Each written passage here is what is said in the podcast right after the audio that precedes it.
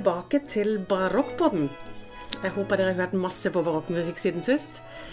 Eh, I dag skal vi snakke om barokke former, og da mener jeg altså ikke barokke kroppsformer. Det kunne kanskje vært interessant også, for da er det også veldig mye spennende i barokktiden. Eh, men dagens tema er chaconne og passacaglia. Og la oss hoppe rett i det.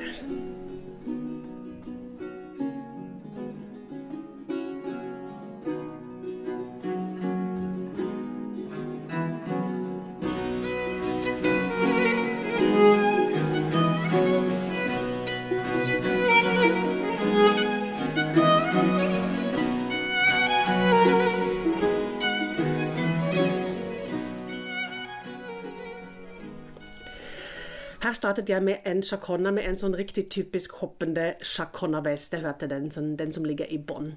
Og I dag skal jeg altså snakke om to slektninger, chaconne og pasakalia. Og begge er jo i kategorien ground bass eller i ostinato-bass, så de har alle en basslinje i, i bånn. Den kan være to takter, fire, seks, åtte, 16 takter og, og varianter av det også. Altså, og disse basslinjer blir repetert. og på toppen har vi overstemme som er i stadig forandring. Så det er litt det samme hele tiden, og litt noe nytt hele tiden. Og det samtidig. Vi kan kanskje si også det er starten av et konsepttema med variasjoner. Og den ideen var jo ikke ny i barokktiden. Den fantes allerede i renessansetiden. Da har vi tidligere former av eh, ground base. Og ofte er det da danser, f.eks. bergamasca eller passamezzo og dere har kanskje hørt om La Folia um, eller Rogerio Romanesca osv. Så, videre. så det fantes eh, andre ground-based typer allerede. Men altså de berømteste og mest avanserte formene er jo fortsatt um, Passacaglia og Chacon. De har noen fellesnevnere. Um, ofte er det et sluttverk, f.eks. i en opera. Um, da er de gjerne eh, enten på slutten av en akt er det en sjakorn eller passacaglia, eller på slutten av selve operaen. Og en mester her er jo Jean-Baptiste Lully. Da ser vi at det er eh, fra midten av 1600-tallet i Paris, i operaene. Da er det eh, etter hvert alltid en, eh, en chaconne i en veldig prominent posisjon. Og også Henry Purcell er da en mester av, av ground base. Dette kan vi se på litt seinere.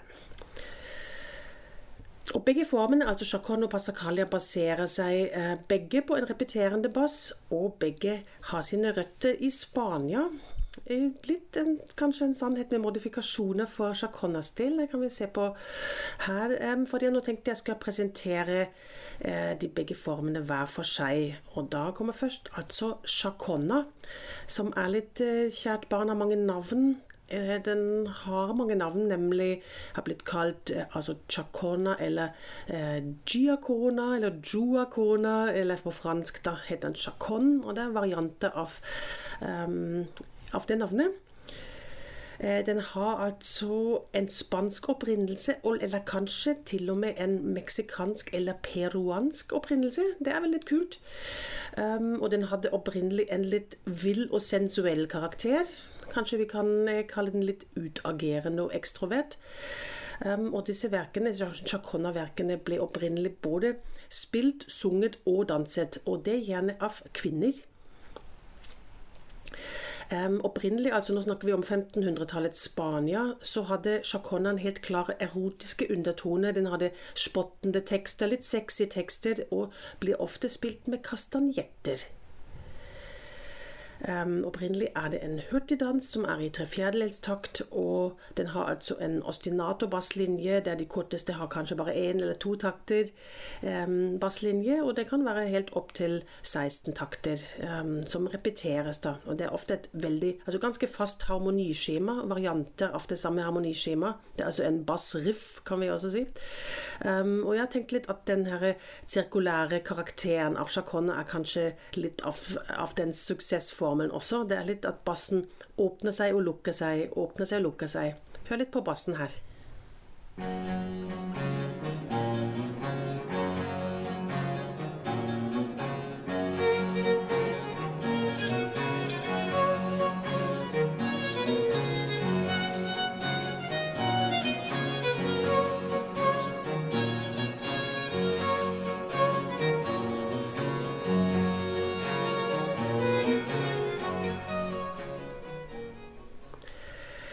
Veldig sjelden finner vi også sjakonna som er i to fjerdedels takt eller fire fjerdedels takt. Da har vi altså ikke det runde, men to, én, um, to eller én, to, tre, fire. Hvis man teller takten uh, gjennom, har jo ikke den runde som, uh, som en, en trefjerdedels takt har.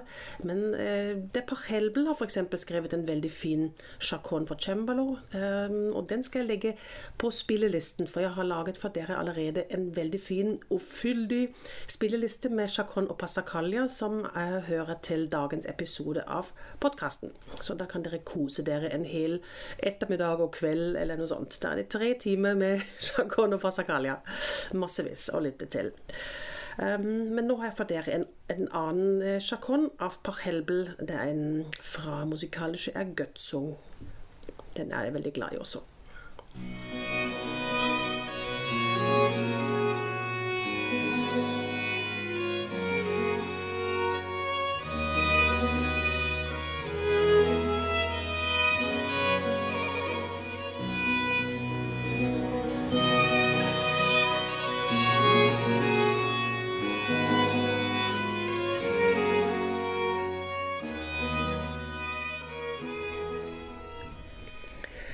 Instrumentsjakonen finner vi fra 1550 omtrent i Viola Viuela-fantasier. Og, og, så ser vi fra 1600 så tar det eh, ganske av. Fra der finner vi veldig mange flere um, sjakoner, i, særlig i gitar- og luttlitteraturen. Og den er ofte skrevet i tabulaturskrift. Uh, og tabulatur det er en slags ekstra stenografi, uh, stenografiskrift for, um, for luthenister, gitarister, og det fins også noe for organister osv.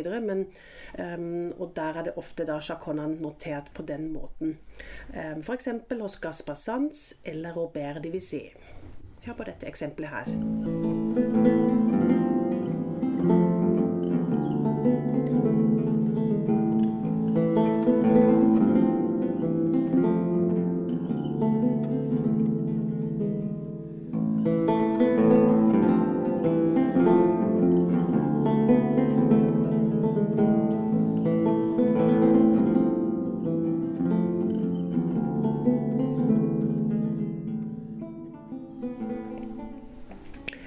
Prøver å sammenfatte litt, at reisen til Chaconnen har jo eh, hadde en helt eh, minimalistisk grunnidé, som hadde egentlig opprinnelig bare en takt eller to takters basslinje. Um, og den reiste fra den nye verden, altså om det nå var Peru eller Mexico, til Spania. Og derifra tok veien til Italias høykultur. Og derifra kanskje med reisende gitarister. Det er kanskje de som har båret Chaconna-ideen videre til Frankrike, inn i operaverden og inn i aristokratien. Og derifra kom den til Tyskland. Ja, så for så vidt både fra Frankrike og Italia. For I den tiden, på 1600- og 1700-tallet, var det også mange italienske musikere ved de tyske hoffene. Um, par, par sitater fra dere. Um, en av de første sitatene som jeg har funnet, er av den spanske jesuitten José da Costa. Eh, han skriver 1590 om en dans fra Peru som han kaller for juacona. Og I spansk litteratur er chacon også nevnt i 1599. Da er det en um, i Simon Aguados El Platillo beskrevet som en, eh, en, scene hvor chacona ble beskrevet som den beste dansen man kan få se akkurat nå, og den er så ny at nesten ingen har sett den ennå. Og Deretter er det 1613 i Miguel der Cervantes novelle 'Den fornemme kjøkkenpiken'. Jeg siterer for dere. Um, da heter det Ja, sjakonnens sirkel er livets glade krone. En kostelig bevegelse bys til kroppen, og de tunge leddene føler at de unnslipper tregheten. Hmm. Um, og 100 år seinere um, sier den italienske dansemesteren Gregorio Lambaranzi Der har det blitt 1716. Uh, og han beskriver en scenario av en danset chacona slik. Um, en sigøyner danser en chacona alene og med kastanjetter i hånden. Ja, spennende.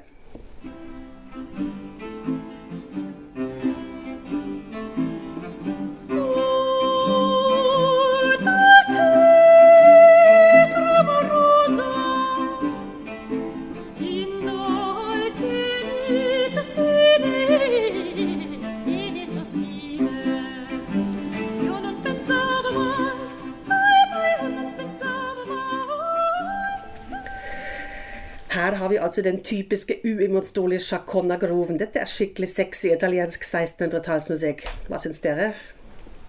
Men chaconna kan også være noe helt annet. Den kan være verdig og majestetisk, også og rojal. Og Jean-Baptiste Lully, altså hoffkomponisten til Solkongen Ludvig 14., han skrev store, viktige, verdige chaconna. Og de var altså som sagt ofte på slutten av en opera eller på slutten av en akt i en veldig prominent posisjon. Hør på dette.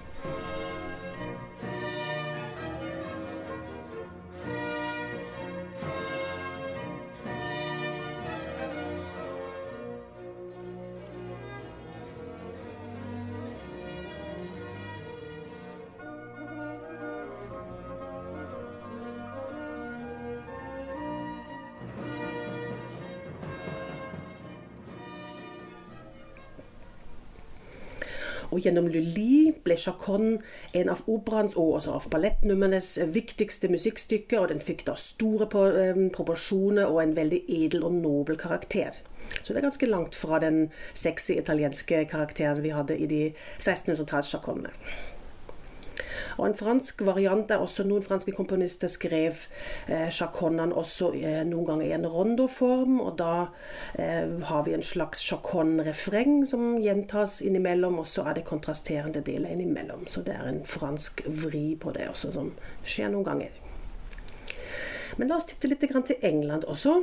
Her har vi nemlig da Englands store sønn eh, Henry Purcell og han var altså en master of ground base, og selvfølgelig også av, um, av chaconene. Og han absorberte både den franske og italienske stilen, og etter hvert vendte seg veldig mot den italienske stilen, og han skrev helt mesterlig sjakonner. Og som den store mesteren Purcell er, så gjentar han ikke bare den samme bassen gjennom en hel sjakonne. Han har alltid små varianter. Plutselig er vi i moll, det er rytmiske varianter, og plutselig er sjakonner noe helt annet i England det er fortsatt, eh, fortsatt den, den gledessprederen som han var, men, eh, men hør på den smakfulle verdigheten. Akkurat den riktig perfekte blanding av alt. Dette er Henry Purcell.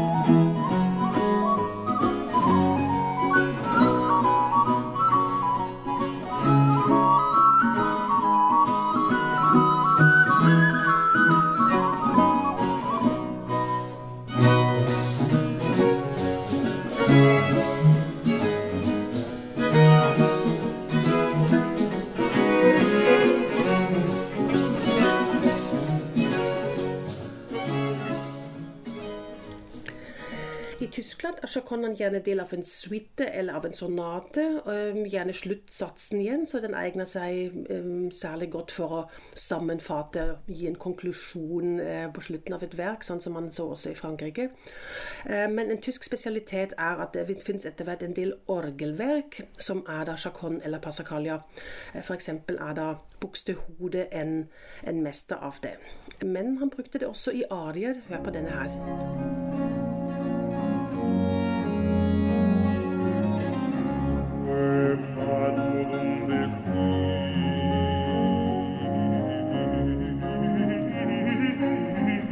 Desidera, desidera, desidera,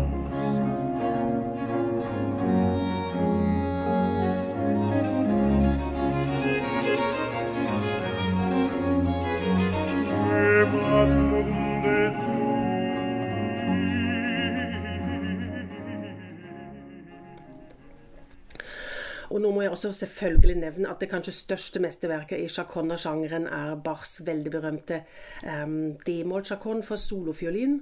Den er et helt fantastisk verk. Den bryter alle regler og, og, grenser. Den er fortsatt del av en partita, men 15 minutter lang og dermed like langt som alle andre satsene til sammen, omtrent.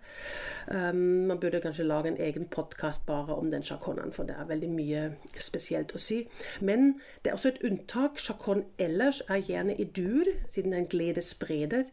Um, men akkurat den sjakonnen er i moll så det bryter på en måte med alle um, når jeg har vedtatte regler, hvis det finnes noe sånt. Det fantes kanskje ikke. Um, men da har tiden også blitt um, 1720. Det er kanskje den prime-timen av uh, chaconnaen er egentlig forbi når vi kommer inn i 1700-tallet, og tiden har gått litt videre.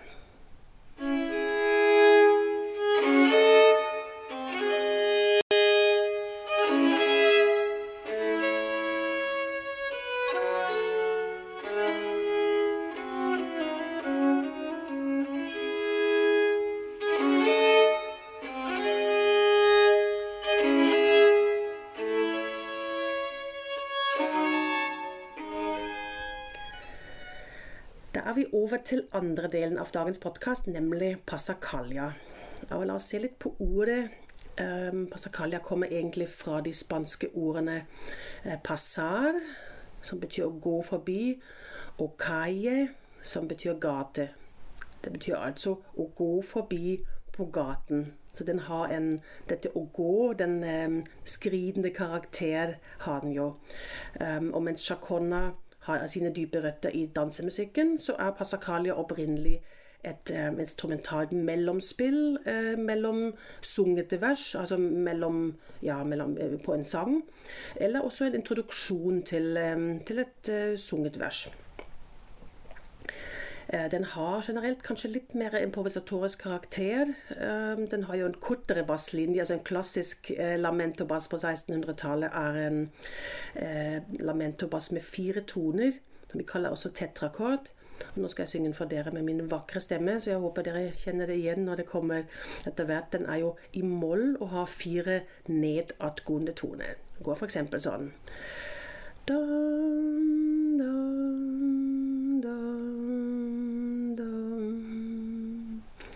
Det er bare disse fire tonene som repeteres om og om igjen gjennom hele stykket.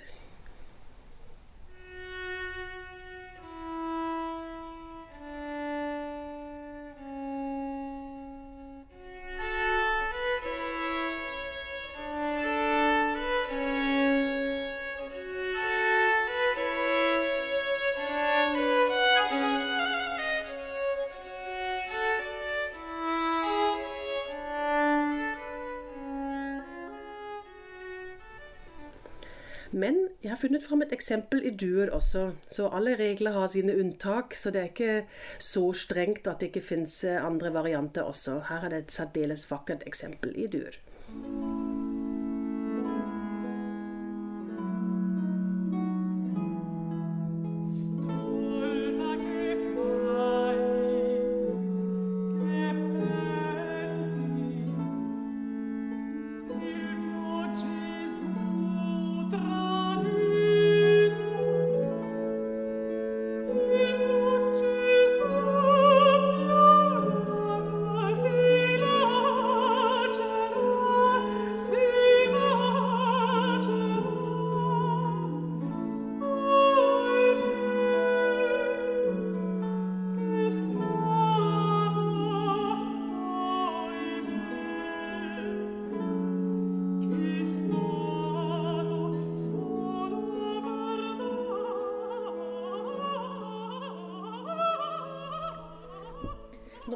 Nå blir vi her. Vi må snakke litt om tempo. Hvor fort skal man egentlig spille en passacaglia? Eh, akkurat det flere eh, komponister og musikkvitere på 1600- og 1700-tallet har prøvd å beskrive nettopp det. Eh, vi har f.eks. et sitat av eh, komponisten Moncler, som prøver å sammenligne Passacalia og chaconne. Og han eh, sammenligner f.eks. Passacalias tempo med eh, de andre langsomme dansene i en suite, som f.eks. Sarabande, som vi vet var heller en langsom dans. Det som var spesielt, at i 1701 så ble det også oppfunnet, oppfunnet noe som man kaller for et pendulum. Det er en slags forgjenger til metronomen, som dere sikkert vet hva er. Og det er Josef Sauer som har gjort det. Og dermed kunne man beskrive ganske presist et tempo i en sats. Eh, men stort sett var de fleste var vel enig at, um, at chaconaen generelt hadde et hurtigere tempo enn passacalia. Og det, that makes sense, fordi det er um, har jo oftest en ja, gledesspreder karakter. Der husker litt utagerende, ekstrovert og lamento. Eh, altså Passacaglia hadde ofte den lamento-bassen og hadde en, en klagende, eh, melankolsk eh, karakter. En smertefull karakter. I Tyskland var det musikkviteren Johan Gottfried Walter eh, i 1732. Han var langt på vei enig med franskmennene om at Passacaglia hadde et langsommere tempo enn Chacona. Men jeg syns veldig pussig. I 1752 er det Johan Joachim Kvanz, den berømte tyske komponisten. Han eh, skrev pussig nok at eh, Passacalia nesten spilles litt fortere enn Chaconaen. Det syns jeg er et veldig rart sitat, som går veldig på tvers av eh, de fleste andre sitatene. Men da må vi huske òg at tiden har, um, tiden har, blitt 1750, da, altså ganske langt inn på 1700-tallet. Og da var uh, Chacona og Passacalias tid, storhetstid, egentlig, um, langt på vei forbi. Så det regionale motet kan vel ha spilt inn også. Vi har flere forskjeller mellom chacon og passacalia. Um, jeg var inne på det allerede. Passacalia er ofte i moll, og chacona altså ofte, oftere i duer. Og et eksempel er nå igjen Bachs berømte D-moll-partita. Um, fra D-moll-partita, som jeg nevnte i stad, som er um, i moll, men har altså fortsatt en lang duedel i midten også. Så den er litt sånn helgardering. Har litt uh, begge deler. Og eh, Passacaglia har ofte kortere basser, altså en firetoners fallende eh, basslinje. Um, det blir en, en, en, kortere basslinje som repeteres, og Chacona har gjerne en litt lengre basslinje. Ofte med en, en åpnende frase og en lukkende frase. Og Passacalian hadde ofte også en lamentkarakter. Det kan være også en klagesang. Det er ofte mer seriøst. Um, F.eks. Henry Purcells uh, berømte 'When I'm Laid in Earth'.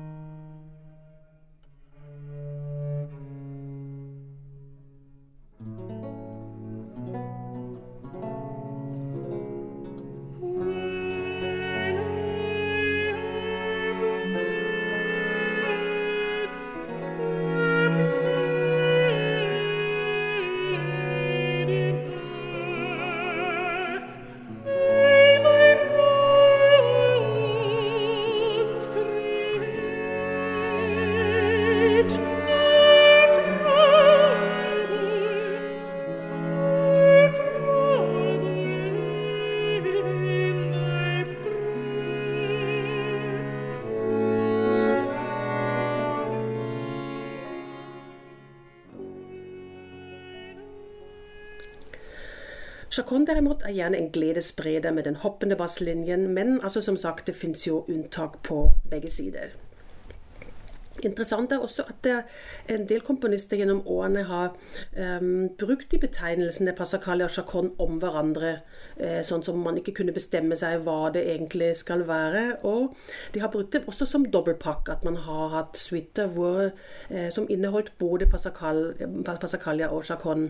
F.eks. er det um, Fresco Baldi som har skrevet en cembalo-sonate 1627 som inneholder begge deler.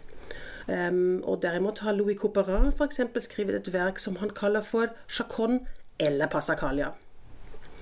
Litt sånn stryk det som ikke passer.